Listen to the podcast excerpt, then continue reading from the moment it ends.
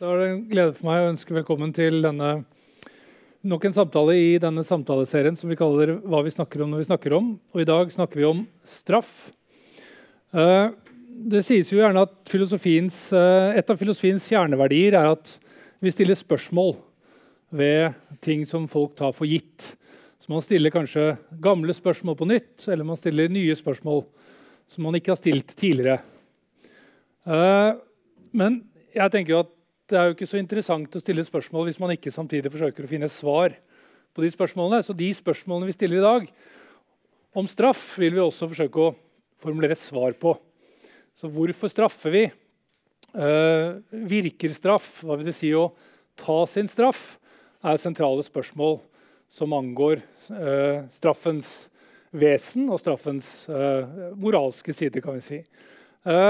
til å hjelpe meg å svare på disse spørsmålene, så er jeg så heldig å ha med meg to svært kompetente eh, personer. Eh, på min venstre side Marianne eh, Valderhaug, som er, eh, har doktorgrad i filosofi og har faktisk eh, navner, skilt filosof på kontoret sitt i Bjørgvin fengsel. Fengselsfilosof. Det er ikke så mange som er. Eh, hun har skrevet doktoravhandling om eh, samtaler med innsatte i eh, Bjørgvin fengsel. Eh, veldig hyggelig å ha deg med, Marianne. På min høyre side har jeg eh, David eh, Vogt, som eh, også har doktorgrad i filosofi. Han har skrevet doktorgrad om moralske ulike moralske begrunnelser for straff, altså hvorfor vi straffer. er i dag førstelektor i filosofi på Institutt for filosofi og førstesemesterstudier, eh, og kollega av meg. Hyggelig å ha deg med, David. Jeg tror vi må begynne en sånn samtale om straff med å rett og slett forsøke å nøste i hva det er. Det er det store spørsmålet, hva straff er. Uh, kan ikke du innlede litt med, med, ditt perspektiv på det spørsmålet, Marianne? Mm, så jeg skal tenke hva er straff? Eh, når en kommer til f.eks. Bjørgvin fengsel, Eh, så kommer han først til en port der en ringer på. Eh, så blir han sluppet inn. Eh, I åpen avdeling blir han ikke nødvendigvis kroppsvisitert når en kommer inn. Eh, men det blir en i lykkeavdeling. Eh, så, eh, men en kommer inn, og så gir en fra seg mobiltelefon. en har ikke tilgang til mobiltelefon i fengsel. og veldig begrensa med Internett. Eh, og eh, så får en tildelt eh, et rom. og under soninga så blir en ofte kalt kanskje K1003 eller L2005. og det er også med taushetsplikt å gjøre. at en ikke bruker navn foran andre. Men det er også litt rart å bli referert til som et nummer. Eh, så må en på Bjørgvin fengsel melde seg tre ganger for dag. Eh, på morgenen og på ettermiddag og på kveld. Eh, som enhver innenfor dette området en har nøkkel til døra si. Eh, I motsetning til lukka fengsel, der blir en låst inne av andre. Men i Bjørgvin så har nøkkel til egen dør, og en kan gå på et område med flere bygg. Der det er skole, og der det er bibliotek. Der det er en filosof en kan snakke med. Eh, der det er Nav og sosialkonsulent. Eh, men der en må være på det området atskilt eh, fra familie og venner og alt ute. Eh, jeg tenker at Det er i hvert fall første møte med straff. Så det er straffen, hva straffen er for den innsatte. Eh, det fins selvfølgelig definisjoner, eh, bokdefinisjoner, leksikondefinisjoner av straff. Mm. David, hva er det? Ja, I Norge så sier man at det, straff er et onde som man påfører lovbryteren i respons på, på, den kriminelle handlingen, for at det skal føles som et onde. Og, og Noe av dette som uh, Marianne nå beskriver, det er jo onder. Kanskje ikke i den gamle betydningen der det var altså at noe svei, eller noe sånt, så det er da mer fysisk, men at du fratas din mobiltelefon, du kan ikke kontakte hvem du vil, du er nødt til å være der til de og de tidene og gjøre de og de uh, tingene som er i rutinene det er jo på et eller annet vis onder, eller en form for påføring av en lidelse, kan man si. Men som sagt, ikke denne gamle betydningen av lidelse der det var mer, mer fysisk avstraffelse som vi hadde før. Det har vi jo ikke, ikke hatt da siden omtrent opplysningstiden, hvor det er blitt dette her frata frihet, som er onde som man, eh, som man skal kjenne på. Jeg, jeg, tenker I tillegg må det jo også være noe med hva er det den innsatte eventuelt føler. og jeg tenker En ting som der nok er viktig, er jo en form for skamfølelse som ofte kan gjøre seg gjeldende overfor familie for eksempel, eller overfor nabolag. At folk vet at du er den som gjorde det og det og det. Så Det, det er òg en si, del av denne her smerten ved, ved straffen. Så tror jeg òg at når vi skal snakke om hva straff er, så må vi Én ting er denne lidelsen, men denne lidelsen har også en sånn eh, kommunikativ funksjon. Altså at den, betyr noe. Og at Der ligger også litt av kjernen hva straff er. At den, at den, kommuniserer noe til resten av samfunnet. Ja. David nevner den, den, skammen. Jeg har jo faktisk vært og besøkt deg i Bjørgvin fengsel i forbindelse med at jeg lagde en filosofifilm. Forsøke å rekruttere studenter til filosofi. Så skulle vi mm. vise hva er det du kan bli med filosofi. Så du kan bli fengselsfilosof. Og det, det, noe av det jeg tenkte når jeg gikk inn der, var jo hvordan er det å En ting er å være på besøk. Det var veldig uforpliktende og behagelig i den forstand at jeg skulle ikke være, jeg skulle ut igjen. Men hvis jeg prøver å forestille meg hvordan det måtte være å skulle inn til i Bjørgvin fengsel eller et annet fengsel fordi jeg har gjort noe kriminelt, begått et lovbrudd, jeg skal sone en straff der Jeg er en sånn person med veldig eh, Det tror jeg ville eh, eh, En sånn trang komfortsone. Det tror jeg ville takle ganske dårlig. Å tilpasse meg en helt sånn ny eh, tilværelse hvor man blir eh, Andre legger premissene for hva du skal gjøre, hvor du skal være, til hvilke tidspunkter. Så du mister jo en frihet. Hvordan, hvordan, vil du beskrive den virkeligheten som møter de når de kommer inn der? Altså, øh, for, ja, jeg tror at alle som øh, kommer inn der, at den kjenner på en skamfølelse, eller at den, dette at den blir bestemt over andre. Uh, og hvis at den ikke har vært i fengsel før, så er mange eh, ulike tanker om fengsel. Eh, og de er kanskje redd, eller de er eh, veldig bekymra for hva de møter. Eh, og så treffer de eh, andre innsatte og ansatte, og ting er kanskje på en måte mer normalt enn eh, enn de så for seg. For det er jo ikke sånne amerikanske tilstander i norske fengsel. Men så er det dette her å være menneske eh, som blir en del av systemet. Eh, og så tenker fort i kategorier eh, i fengselssystemet. Eh, så folk som kommer inn, kan fort bli en voldsmann eller en eh, rusmisbruker, en gjenganger, en overgriper. Eh, og i forhold til innsattgrupper så er det også rangsystem ut fra hva du har gjort, der du blir sett ned på eller satt opp til uh, ut fra dommen din. Um, og så er det også sånn at uh, du mister uh, Altså andre skal bestemme over deg, og du skal, må søke om de tingene som du har rett til, som du kan få uh, f.eks. frigang til å gå på skole ute eller arbeide ute. men mange må også forholde seg til Når en får avslag, så har vi en sånn um, måte å gjøre ting på i kriminalomsorgen som også er litt rart. at Eh, en klipper ut eh, kanskje det styggeste fra dommen. Eh, og så står det i hvert avslag en får når en skriver en søknad om hvorfor en ikke får. Så en blir liksom En har gjort en kriminell handling, og så kommer en inn der og, og blir hele tida påminnet hva en har gjort. kanskje heller enn å bli heia fram videre som den en skal ut som. Uh, så da tenker jeg at straffa blir veldig masse på det menneskelige. Hvor kriminalitetsforebyggende er det? At man blir hele tiden konfrontert med det man har gjort, og fortiden, istedenfor å se framover? Ja, det kan en lure på. eh, og det er jo Hva er det som gjør at vi har behov for å sette folk i bås? Mm. altså sånn Um, hvorfor blir en en voldsmann eller en narkoman eller en rusmisbruker? Uh, hvorfor velger ikke å se flere sider, mm. uh, f.eks. Uh, og det er jo også sånn at uh, en ting er at en har frihetsberøvelsen ut fra det en har gjort en kriminell handling og satt i fengsel.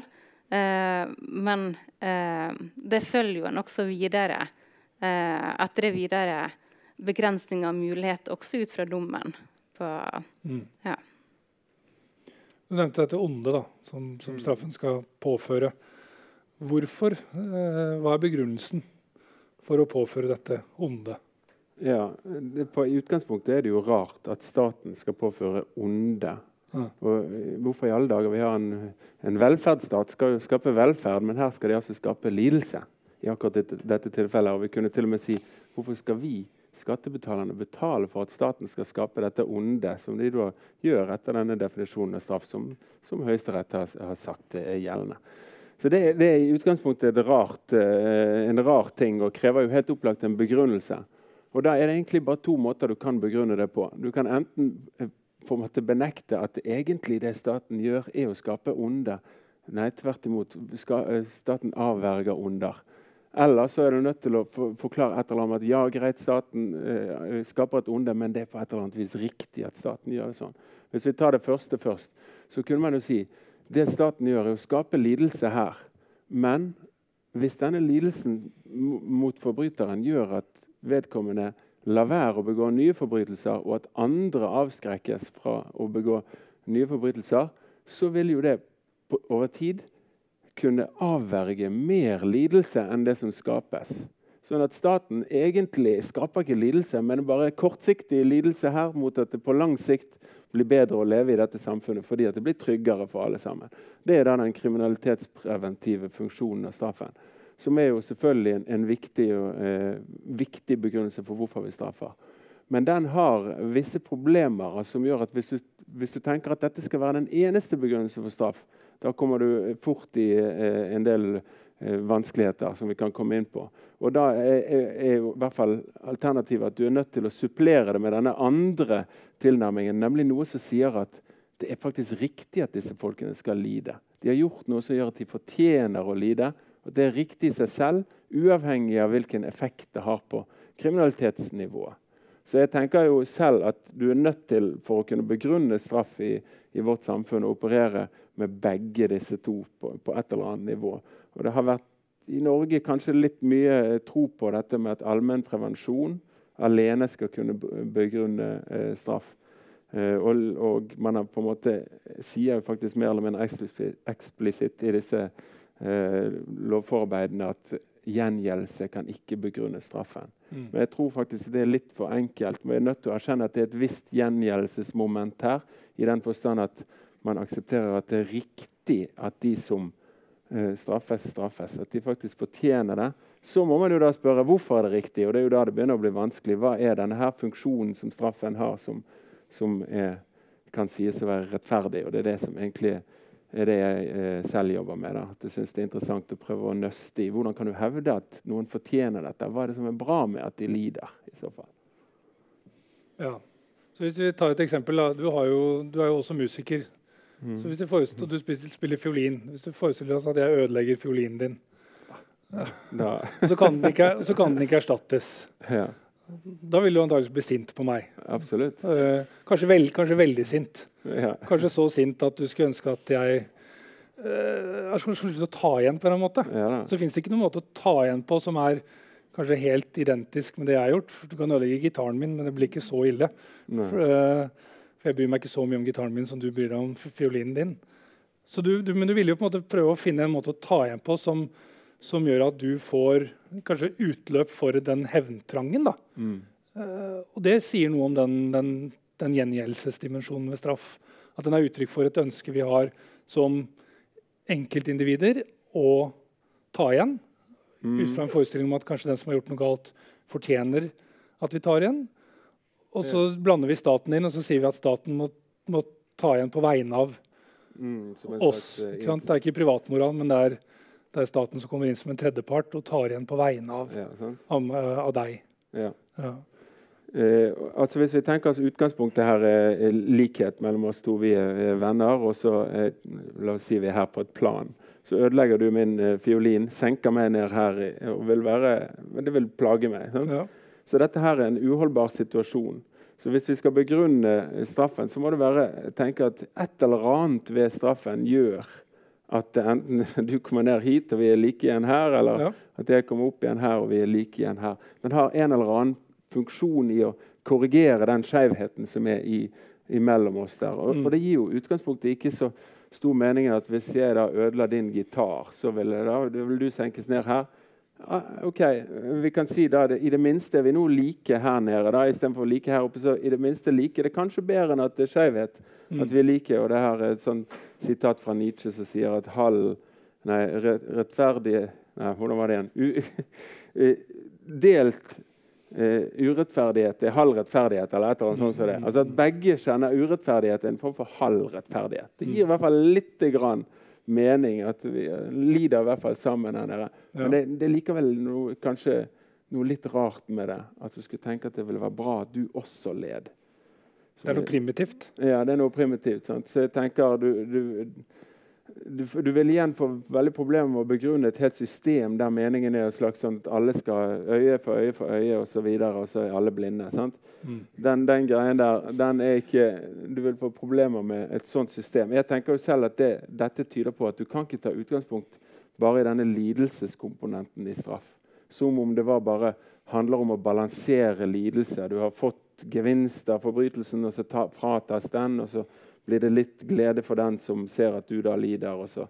Altså Som om det var et sånt lidelsesregnskap. dette her. Mm. Jeg tenker at Det der eh, fungerer ikke. At du er heller nødt til å se på mer hva er det straffen kommuniserer. Altså hva er det lidelsen kommuniserer? Sånn, at det at noen lider eller kjenner på dette onde, kommuniserer noe til andre og til samfunnet. Mm. At det er der vi må lete mer etter en begrunnelse. Men jeg tenker på det med lidelse, at et viktig element her når vi snakker om straff, eh, er jo at eh, straffen i dag skal jo både ta vare på sikkerheten i samfunnet, men også rehabilitering. Altså den skal eh, legge til rette for eh, en kriminalitetsfri verden når den innsatte mm. kommer ut. Eh, så her er jo altså en sånn Eh, tanken bak eh, hva straff er, og hvordan eh, ut fra om den fungerer, er jo ikke eh, kun et lidelsesperspektiv, men det er et viktig teoretisk mm. perspektiv. Eh, men da er jo også et viktig spørsmål eh, altså, funger, altså en rehabilitering i fengsel. Hva er det?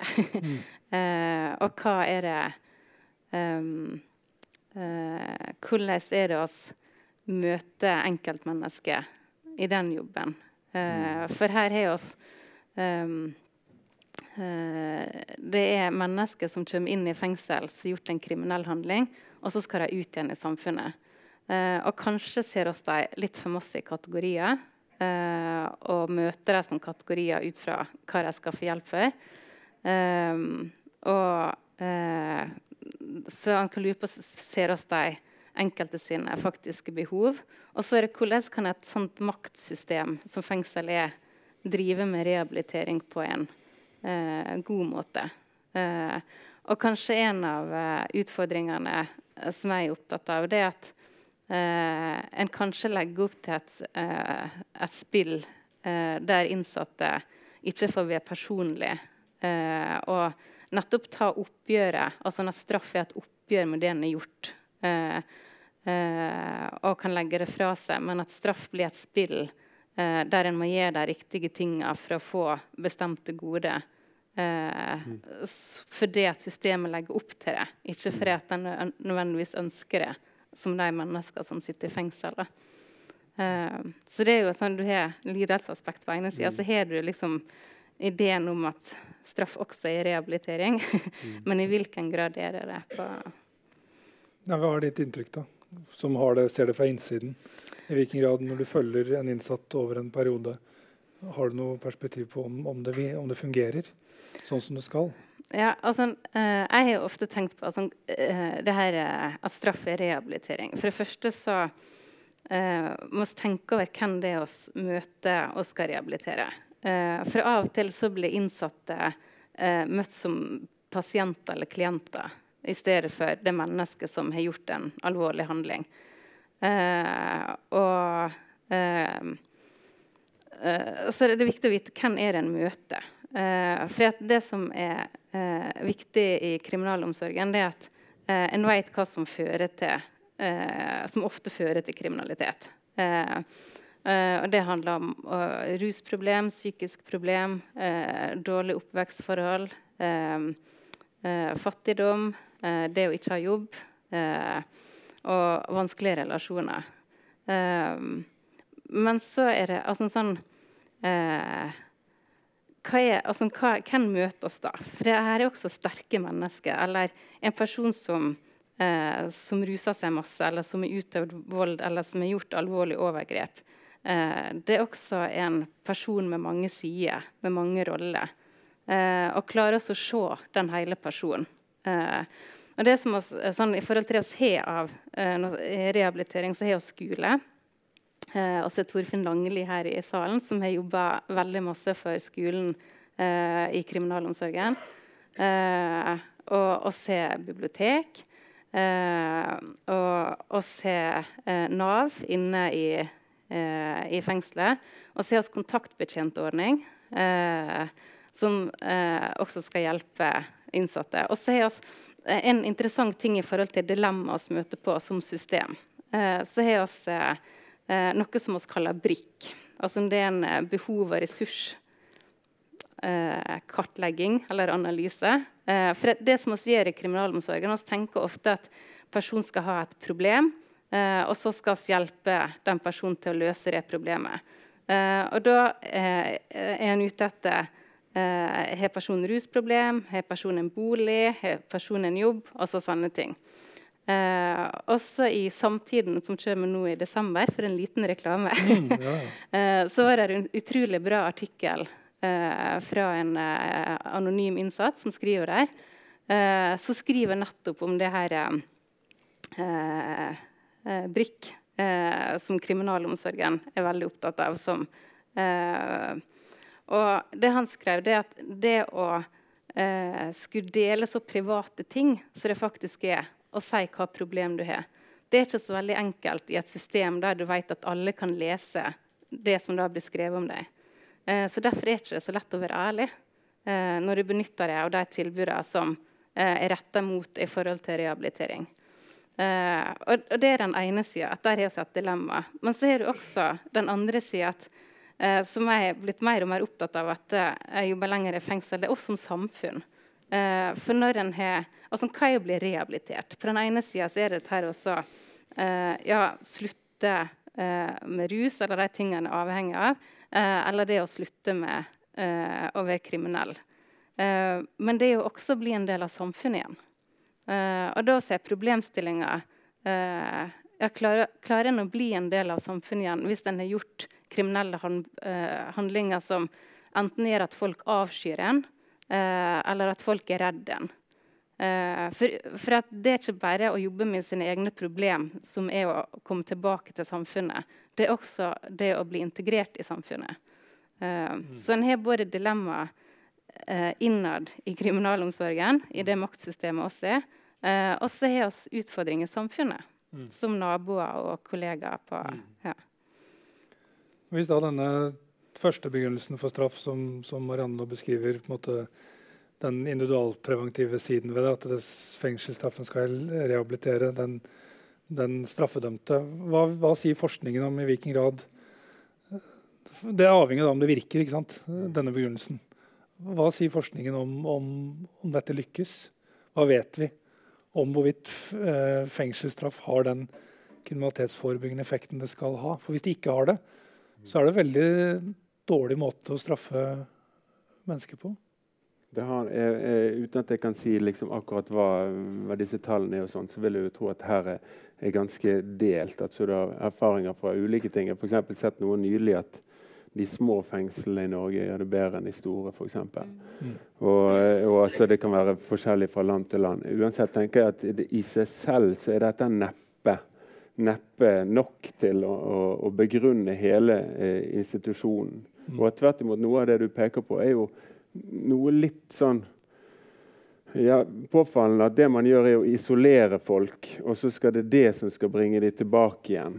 Altså Istedenfor nettopp noe Om man hadde noen mekanismer som nettopp prøvde et, mer å integrere, eh, så ville det kanskje kunne lykkes mer. Der har man jo visse erfaringer fra fra det som de kaller restorative justice, eller i Norge konfliktråd, mm. som man har i, i, i, straffesaker i Norge, men vel å merke da, i, liksom mindre alvorlige straffesaker.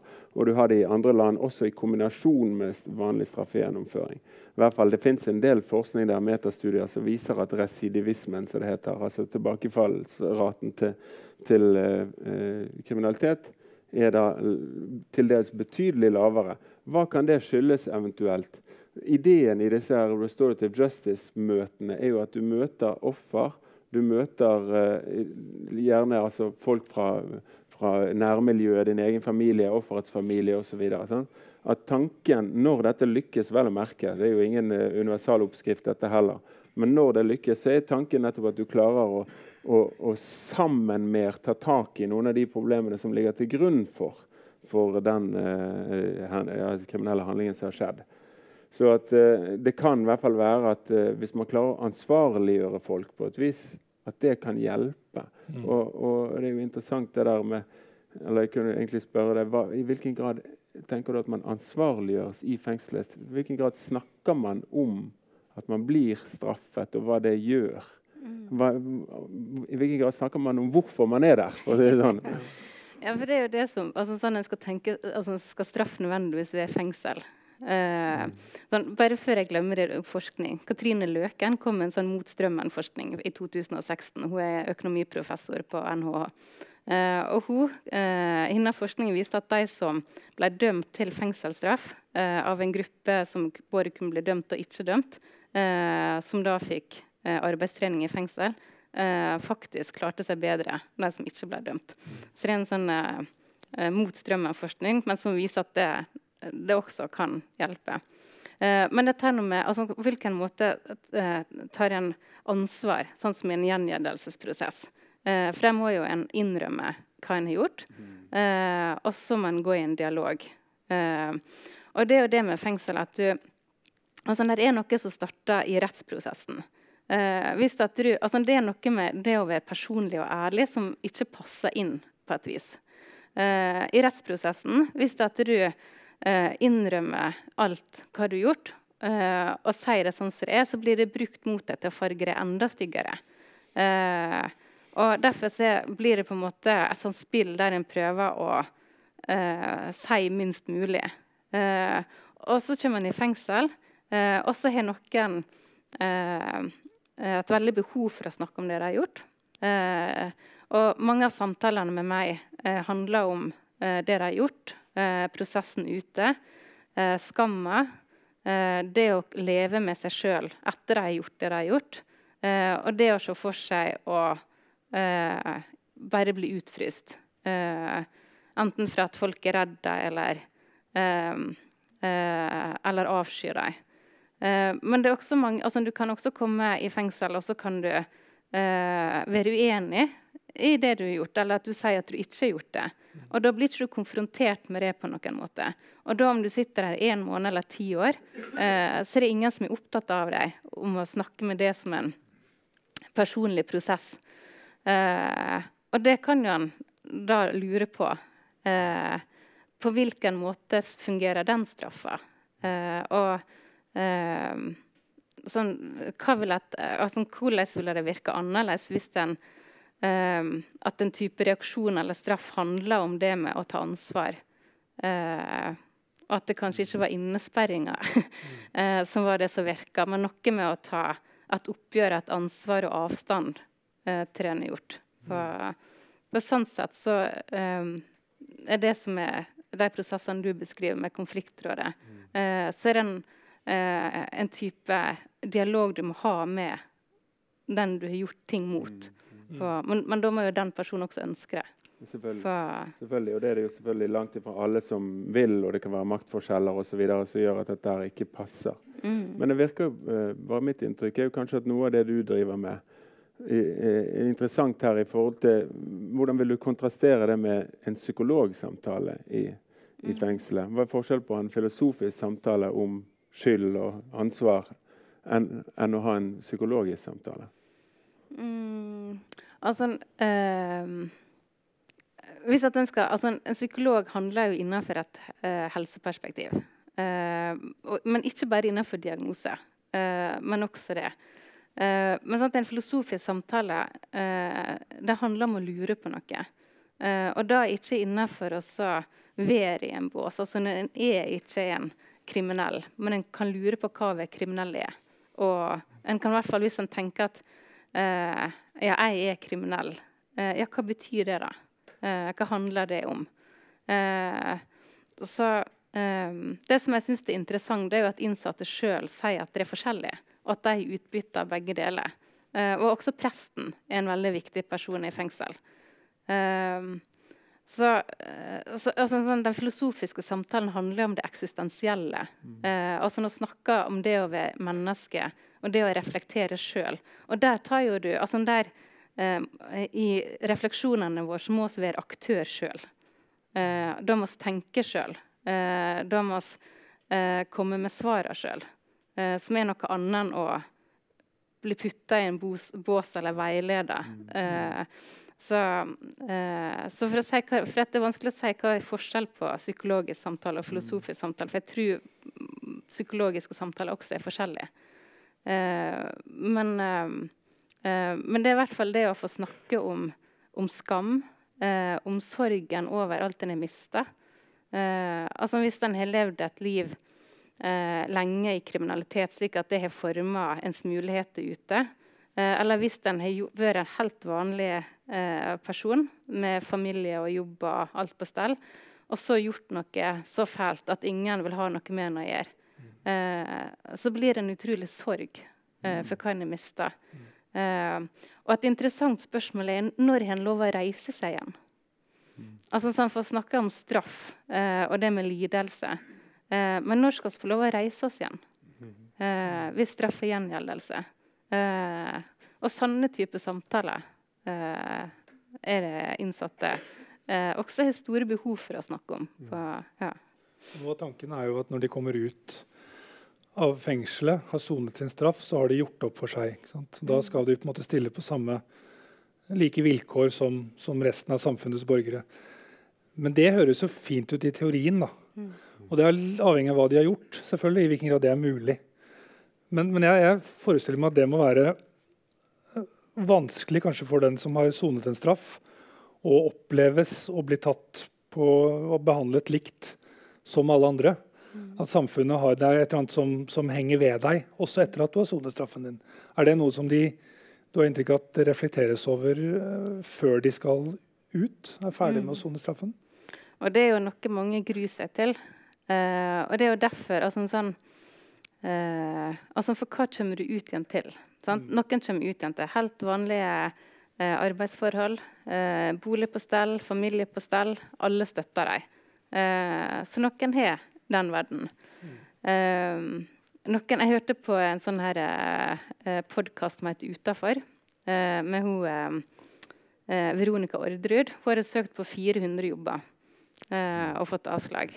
Eh, for selv om hun har gjort opp for seg, så er det ikke vits i for hun å skifte navn engang. for alle kjenner ansiktet. Uh, altså slik at Hvis at du har et navn ved deg, uansett hvor person du er, så blir du lett sett for den personen. Uh, og, og, har du gjort Har du gjort ting som som vekker avsky, så lurer du på hvor skal du gjøre av deg, hvor skal du bosette deg. Uh, for folk rundt vil finne ut av det uansett. Uh, og har du, gjort, har du vært uh, en bra, respektert mann i rusmiljø, og så har du hatt masse penger for å selge narkotika altså Du har vært langt oppe på rangstigen.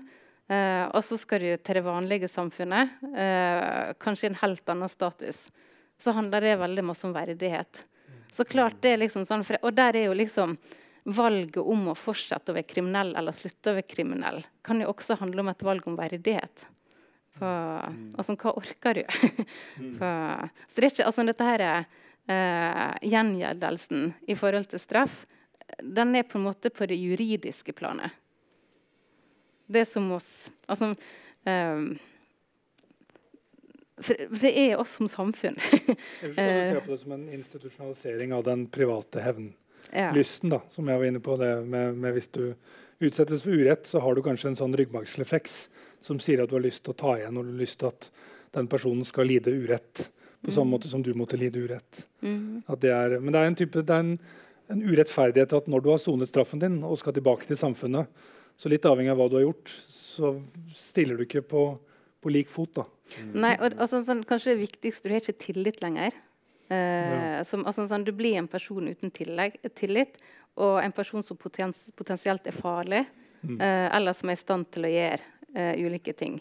Mm. Så det er jo noe med hvordan du har altså, utsatt deg sjøl som person. Mm. Mm. Ja, men, men jeg vil jo tenke i hvert fall at denne lidelsesbiten av det, den er viktig fordi den kommuniserer noe til resten av samfunnet, og kanskje særlig til offeret. Altså Hvis man tenker seg en eller annen som har opplevd noe ja, grusomt, da, en kriminell handling som er veldig smertefull, eller sånn, så, så er det ja, du, Kanskje igjen den likheten. sant? Det handler om at folk er blitt tråkket ned. Noen har satt seg over dem som om de er mer verdt, som om de kan gjøre hva de vil med dem mm. behandler de på den måten der. Og at straffen er jo kjempeviktig i den forstand at samfunnet reagerer og sier dette er feil. Det er ikke sånn at du har rett og du, rettigheter, og du kan man gjøre hva man vil med.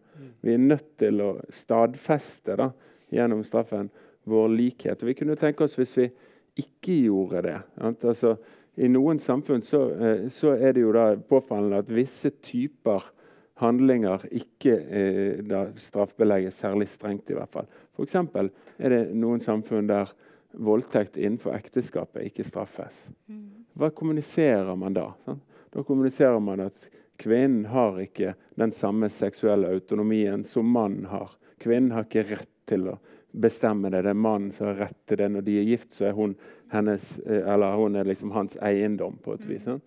Det er jo kjempeproblematisk kommunikativt. Så straffen har en funksjon i å, å dømme det på lik linje med alle andre voldtekter. Så kommuniserer du da nettopp at ofrene, eller i det tilfellet de kvinnene som er blitt voldtatt, har da denne likeverdige retten. Jeg tror at den, den funksjonen av straffen der, det er jo den som er den aller viktige. Selve lidelsen er viktig bare fordi det er den man bruker til å kommunisere det. Men det er akkurat på linje med en, med en eh, gave. kan du si. Sant? Hvis du skal takke din nabo for at eh, naboen din har hjulpet deg med å flytte noe, eller sånn, så kan du jo bare si takk, og så er det ferdig. liksom.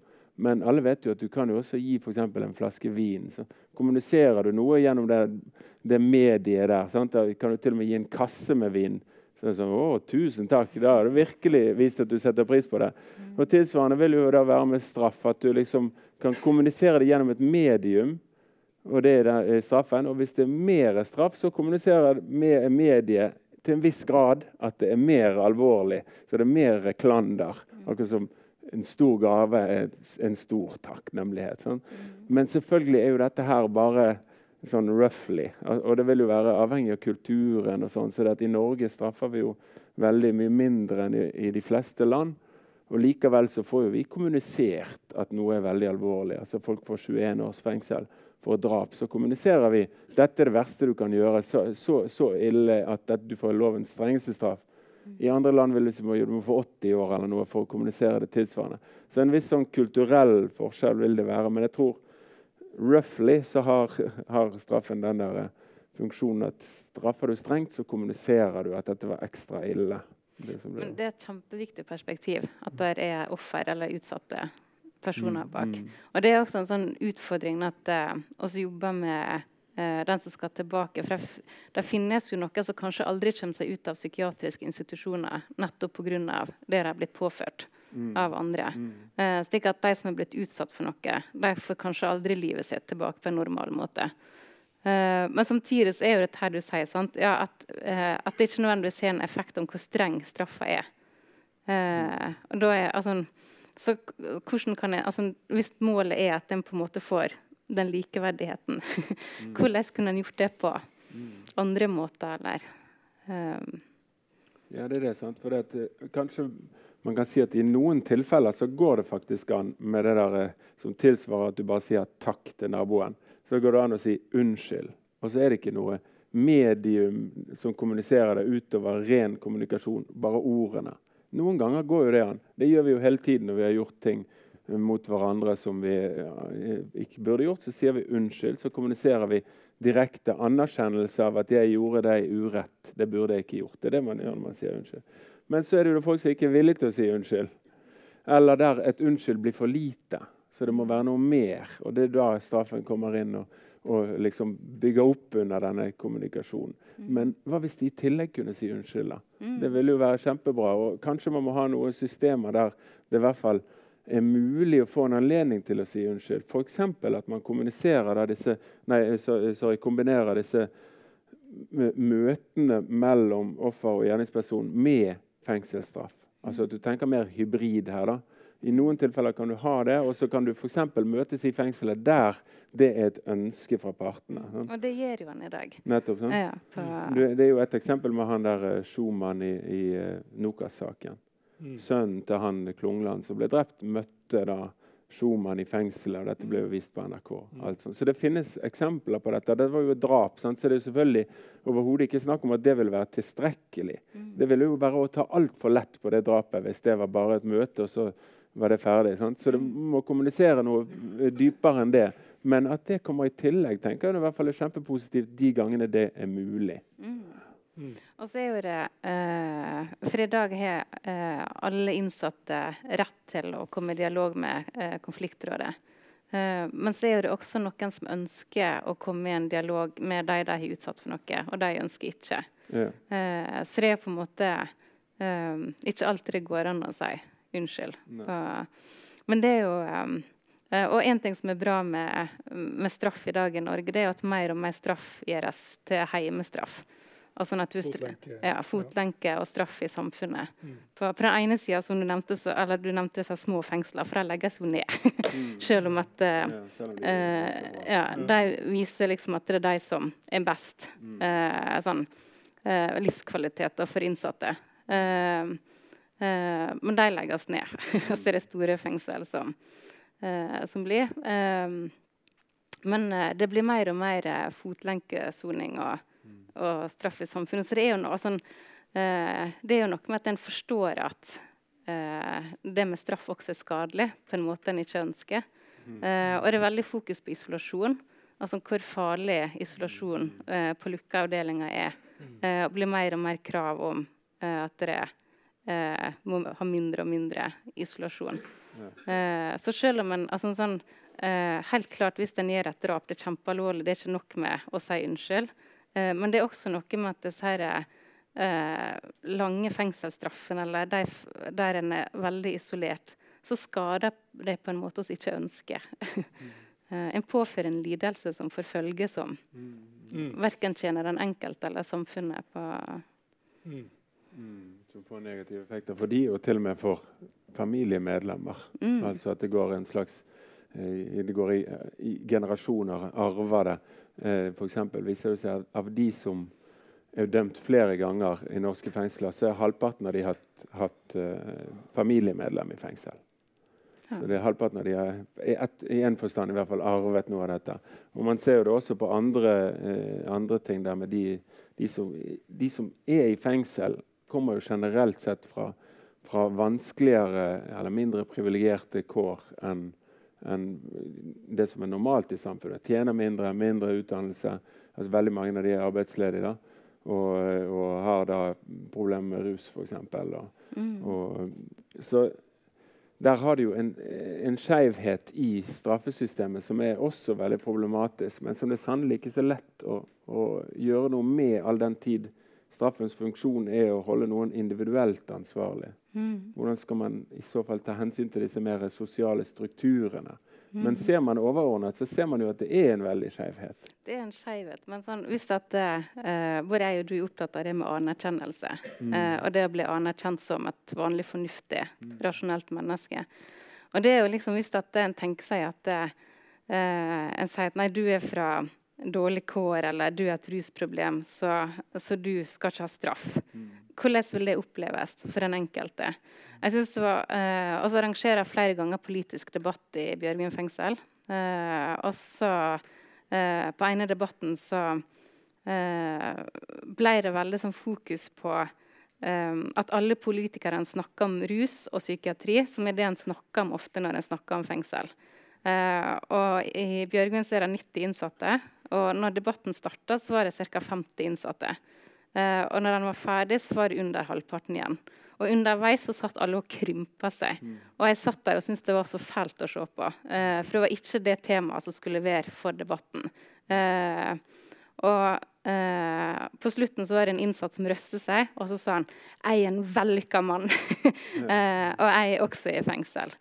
Uh, for, det, altså, sånn, for, det, første så er det veldig forskjellige folk i fengsel. Og så er en overvekt i fengsel uh, av personer med oppsamling av problem. Eh, men så er det ehm, eh, forskjellige folk. Men også eh, om du er en person med oppsamling av problem, så har du lyst til å bli tatt som et vanlig menneske. Eh, så det er veldig problematisk. Mm. Og, og så er jo mer og mer sånn fokus på at rus eh, rusbehandling altså sånn, Ønsker mer og mer paragraf 12. At en eh, soner eh, fengselsstraffer på en behandlingsinstitusjon. Um, men der igjen så eh, sier man til folk at ok, du har et rusproblem mer enn at du fortjener straff. Så menneskelig sett så er ikke det enkelt. Eh, men fra et overordna nivå så føles det rettferdig. det er interessant det Marianne er inne på, nemlig det å, å, få straff er uttrykk for at man blir behandlet med respekt. Mm. Så Det er jo kanskje høres paradoksalt ut at ved at vi straffer de som begår lovbrudd, så vi dem, holder vi dem ansvarlige. Mm, mm. Så at hvis alternativet er å ikke straffe dem, så innebærer det kanskje at vi ikke holder dem ansvarlige. Og det er å ikke behandle dem som aktører. Mm. Det er et interessant sånn, moralfilosofisk perspektiv. Absolutt. Jeg tror det er en veldig viktig del av det der at straff handler om anerkjennelse av både offeret og at en vært krenket. Det handler om egentlig anerkjennelse av våre alles rettigheter. For idet noen f.eks. voldtar noen, eller sånn, så er det en, en, en, benektelse av at alle har rett til ikke å bli voldtatt. Altså, så det, det, det, det angår oss alle. Og så er det selvfølgelig straffen en anerkjennelse av at forbryteren er en som man kan ta på alvor. En som er tilregnelig. Sant? En du kan regne med. Som, som, må holdes ansvarlig. Så det er kjempeproblematisk hvis man da skulle innføre et eller annet system der man i stedet behandlet deres kriminelle tilbøyeligheter. eller sånn som det. Sånn. Mm. Så den, den, er jeg helt med på. Samtidig, Hvis vi nå skal ha to tanker i hodet samtidig, så har vi altså et system som er sosialt skjevt. Mm. Og så har vi denne ideen om at vi skal holde folk individuelt ansvarlig. Så hvis vi insisterer bare på det ene uten å prøve å ta inn, hensyn til dette, så vil vi bare måtte akseptere at systemet er skjevt. Men er det noe man kan gjøre, så må man jo i så fall begynne å se på hvor er det skjevheten oppstår. Og hva, det kan kanskje være for allerede på lovgivningsnivå at visse typer handlinger kriminaliseres og strafflegges i større grad enn andre, og at det er en skjevhet i forhold til hvor mye skade disse handlingene faktisk gjør. Dette her argumentet her kunne vi kalle for 'hva er en dirk mot en aksje?'-argumentet, som, som, vi har fra Bertolt Brechts uh, tolvskillingsopera. Altså at det kan gjøres ting, hvitsnippforbrytelser, som har enorme skade effekter, men som i veldig liten grad eh, ender i hvert fall med straff. Og, og, at muligens er strafferammen også for lav. Ser man i, i Norge Tallene der eh, viser jo at i, eh, i, eller i Skandinavia, blant de 0,001% rikeste, eller sånn, så snyter de 30% av sin skatt. Det er jo kjempe, det, i, i, resten av samfunnet er det 5 sant? Og når du da ganger disse summene med med milliarder, så dreier det seg om enorme summer som, som, holdes tilbake fra fellesskapet. Som selvfølgelig egentlig er veldig mye verre enn at noen gjør et innbrudd. Mm. Men likevel er det da de som gjør innbrudd, som, som regel ender i fengsel, og ikke disse herrene. Det har selvfølgelig også med å gjøre at det er komplekse saker. Hvitsnippforbrytelser er veldig mye mer komplekse å etterforske. Og de har mye mer ressurser til å, å, å holde seg ute av fengsel. for å si det sånn. Så det er i systemet der en, en, en eh, slags innebygget uh, skjevhet som gjør det der veldig vanskelig. Altså, jeg hører denne Nav-skandalen. Uh, ja. altså, sånn på, uh, her snakkes om uh, mennesker på arbeidsavklaringspenger som reiser til utlandet. ja. og så settes de i fengsel mm. fordi de har gjort det. men så, også, også, tenker jeg på holdninger til hva som er å være kriminell. Mm. Eh, for først er det liksom bare Ja, eh, får de i fengsel, og det fortjener de som har snylta. Mm. Og så viser det at nei, det var ikke ulovlig allikevel. Det kan ikke mm, se. Mm. Og nei, da er det stakkars folk som har havna i fengsel. Mm. Eh, så det er, også, det er jo uh, en del ting som er rare, mm. altså sånn som oss forfølger Uh, som straffesaker, eller som jeg ser så fokus på. Uh, at folk skal i fengsel. Mm. Uh, så jeg tenker dette med trenden på at rus Så tenker vi at rus skal straffes mildere. Eh, også ulike regler for hva som skal straffes og ikke straffes. Eh, homofili var kriminelt fram til 1972. Mm. Mm. så det, altså, sånn, det må være lov å, liksom sånn, å, tenke over hva er det egentlig slags innvirkning mm. de ulike forbrytelsene har på samfunnet. på Uh, eller hva det er, de tingene forfølger som kriminelt. Mm. Og så er det selvfølgelig noen veldig alvorlige saker som ikke er diskuterbare i det hele tatt. På, som alle skjønner at altså ja, Voldtekt, ja. drap, eh, overgrep. Det, eh, det, er på noe alle forstår er veldig alvorlig. Mm. Altså, den liksom typiske forbryter, hvis man ser liksom, i, i kriminologiske litteraturen, kjennetegnet av at det er en mann som er mellom 15 og 25 år, som bor i en stor by, som flytter ofte, som har en liten tilknytning til skole eller arbeidsmarked, eh, og eh, ja, eh, har, eh, eh, som jeg sa i sted, en familiemedlem i fengsel som er ugift. Altså Det er visse sånne parametere som går igjen. Hva er det disse her har til felles? Det er ikke så lett å se. Hva har det til felles med at du flytter ofte, og at du er ugift og at du ikke er tilknyttet skole? Men altså, i utgangspunktet er den, denne gruppen er kjennetegnet i, i, i, relativt mindre grad enn en normalgruppen av at de har svakere bånd til samfunnet. Altså du kan si Folk som er ugift, har generelt har mindre bånd til en familie. Folk som uh, ikke går på skole, eller sånn, har mindre bånd til, uh, til uh, skolen, da, obviously. Og, og, ja, alle disse her, Hvis du flytter ofte, så er du ikke integrert i et naboskap. Bor du i en by, så er det ikke sånn at du kjenner hverandre like godt som bor på et lite sted. Mm. Og så, videre, og så, videre. så, så da er i så fall noe der. Da, hvis, hvis man finner noe fellestrekk i, i, i svakere sosiale bånd, mm. så skulle det tilsi at hvis vi vil gjøre noe med kriminalitet, så er det jo der vi må uh, gå inn på dette. da, i så fall. Det vi gjør, er jo å isolere folk. Spørsmålet er om det egentlig hjelper. Kanskje det hjelper noe hvis du da samtidig nettopp forsøker å styrke disse båndene til arbeidsmarkedet osv. Så, videre. Mm. så kan du bøte på noe av disse, dette her. Men i utgangspunktet er det i hvert fall Hvis vi ser hvor skoen trykker for denne gruppen, så er det kanskje der vi må inn og, og forsøke å gjøre noe. da. For det å samle dem i fengsel i et maktsystem eh, der de kjenner på nedverdigelse og krenkelse, er kanskje ikke nødvendigvis det rette for den gruppa som allerede har meldt seg ut av samfunnet. Mm. Uh, for hvordan, altså, hvordan, skal vi få til å rehabilitere dem eller tilbakeføre dem til et samfunn de i utgangspunktet er utenfor? mm, mm, uh, Professor Espen Skånning ved Universitetet i Oslo foreslo for noen år tilbake å innføre pisking istedenfor fengselsstraff. Og det ble jo selvfølgelig litt latterliggjort, og, og folk ble provosert. Men han fikk jo litt støtte også av fengselsdirektører rundt omkring, som pekte på at det ene er at det koster veldig mye penger, eh, fengsel. Mm. En annen er jo, som, som, du er inne på også, at det er jo ikke sikkert det har den rehabiliterende effekten det skal ha. Og at de holdes utenfor samfunnet en periode. Hva om de fikk lov å gjøre opp for seg på en måte som de selv foretrakk, og som var kortere, som var smertefull, men som hadde en annen type smerte, som gjorde at de kunne komme tilbake til samfunnet tidligere. da. Ja, jeg, jeg, skjønner jo poenget, altså, bl.a. fordi vi har lange soningskøer. sånn at Selv om du bare skal sone i tre måneder, så tar det jo vinter og vår før du faktisk får sonet disse tre månedene. Mm. Så dette, eh, Som da på en måte livet ditt står i bero. Mm. kunne sikkert mange bare tenke jeg tar disse her 20 piskeslagene, og så er det overstått. Men hva er det det kommuniserer, da? Altså Hvis vi, hvis vi aksepterer at straff handler om å kommunisere vår likeverdighet, våre like rettigheter, at vi er autonome individer som er ansvarlige for våre handlinger. Jeg tenker jo, og Det der kommuniserer tvert imot at du er et dyr som du pisker. Det er, ikke, det er, ikke, det vi som samfunn skal kommunisere. Så eh, Det er jo sikkert bare satt litt sånn, liksom, halvveis på fleip, men i hvert fall Du har ment det? Ja, kanskje.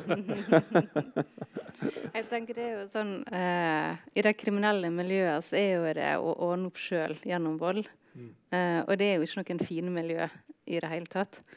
Så Uh, jeg skjønner liksom, altså, sånn, Det som jeg syns er viktig, det er å sette ord på lidelsen.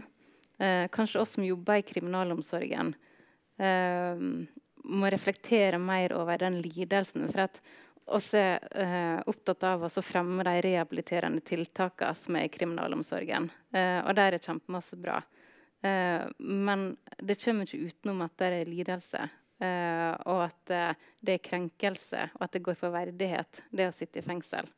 Uh, så jeg tror at hvis vi kan være litt mer åpne om den, og kanskje ha rom for å snakke om den med de innsatte, eller for, rom for å høre mer på dem, hva som fører til altså, Hvordan kan vi unngå mer av den type altså, For det er ikke alltid så lett å vite hva som fører til til krenkelse. Men det å møte hverandre med respekt eh, og med åpenhet, eh, det kan vi klare. Fotlenke må være et eksempel på at man blir møtt med tillit. Møtt med tillit, på et plan, ja. Men også i fengsler. Så lenge fengsler er, eh, så er det viktig å eh, tenke over hva systemet vi er i. Mm. Eh, for jeg tror veldig masse handler om eh, forstå altså sånn, Det å føle seg hørt og sett, det mm. kommer en langt med. Men hvis en overser altså hvis at hvis en er øye for eh, det en opplever som menneske, som en innsatt i fengsel, eh, så tror jeg det er veldig masse verdt for de som sitter i fengsel, mm. eh, enn hvis en ikke er øye for det. Mm. Eh, og ikke tenker over det. Så det er noe med at lidelsen også er der. Den er ubehagelig å snakke om mm. uh, for oss som jobber i systemet, men den er viktig eh, å tenke over. Mm. Vi nærmer oss slutten, men, men siste spørsmål. Er det noe i vi straffer i dag som vi ikke burde straffe? Og er det noe vi ikke straffer, som vi burde straffe? Uh, jeg tenker jo at vi ikke burde straffe bruk og besittelse av narkotika. Mm. Og det er jo en, en, eh, en, eh, etter hvert flere og flere som mener. Det, han, det mener jeg jo da, av den vanlige grunn at når det gjelder bruk til eget bruk, i hvert fall, i hvert fall mange av de narkotiske stoffene, er ingen krenkelse av andre så, av andre mennesker. Sånn at eh, hvis, hvis, man går med på det at straffen skal ha denne funksjonen med å anerkjenne ofre eller å anerkjenne vår likeverdighet, så er det merkelig når det da dreier seg om noe man påfører seg selv. Så jeg tenker at det burde man, eh, burde man ikke gjøre. og det, det, Til min glede ser jeg at det er flere og flere som mener det samme. Mm. Det er jo nedsatt et rusreformutvalg her nå som nettopp har som mandat at de skal se på dette her. Mm. Noen tanker om det? Mm, jeg er enig med David. Ja. Uh, du ser det fra innsiden?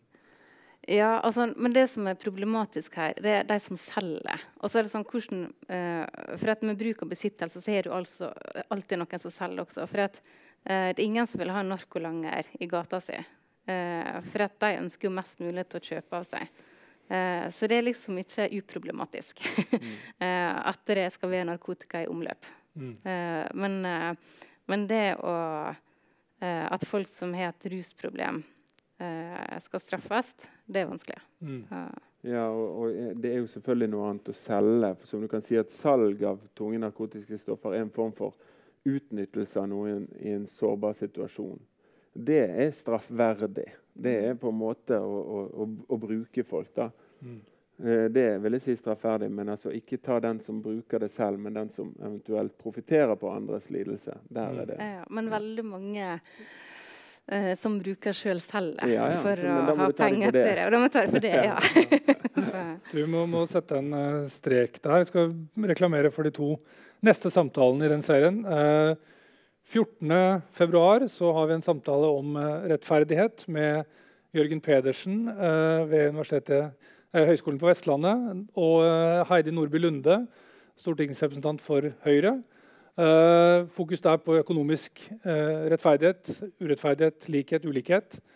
Den 30. mars har vi en samtale om tilgivelse, som for så vidt forholder seg litt til det vi har diskutert i dag, straff, med Maria Seim, stipendiat i filosofi ved Universitetet i Oslo, og Paul Le Salvesen, professor i filosofi eller religionsvitenskap ved Universitetet i Agder. Så da er dere hjertelig velkommen tilbake på de arrangementene. Så tusen takk til Marianne og David, og tusen takk til dere for å ha kommet.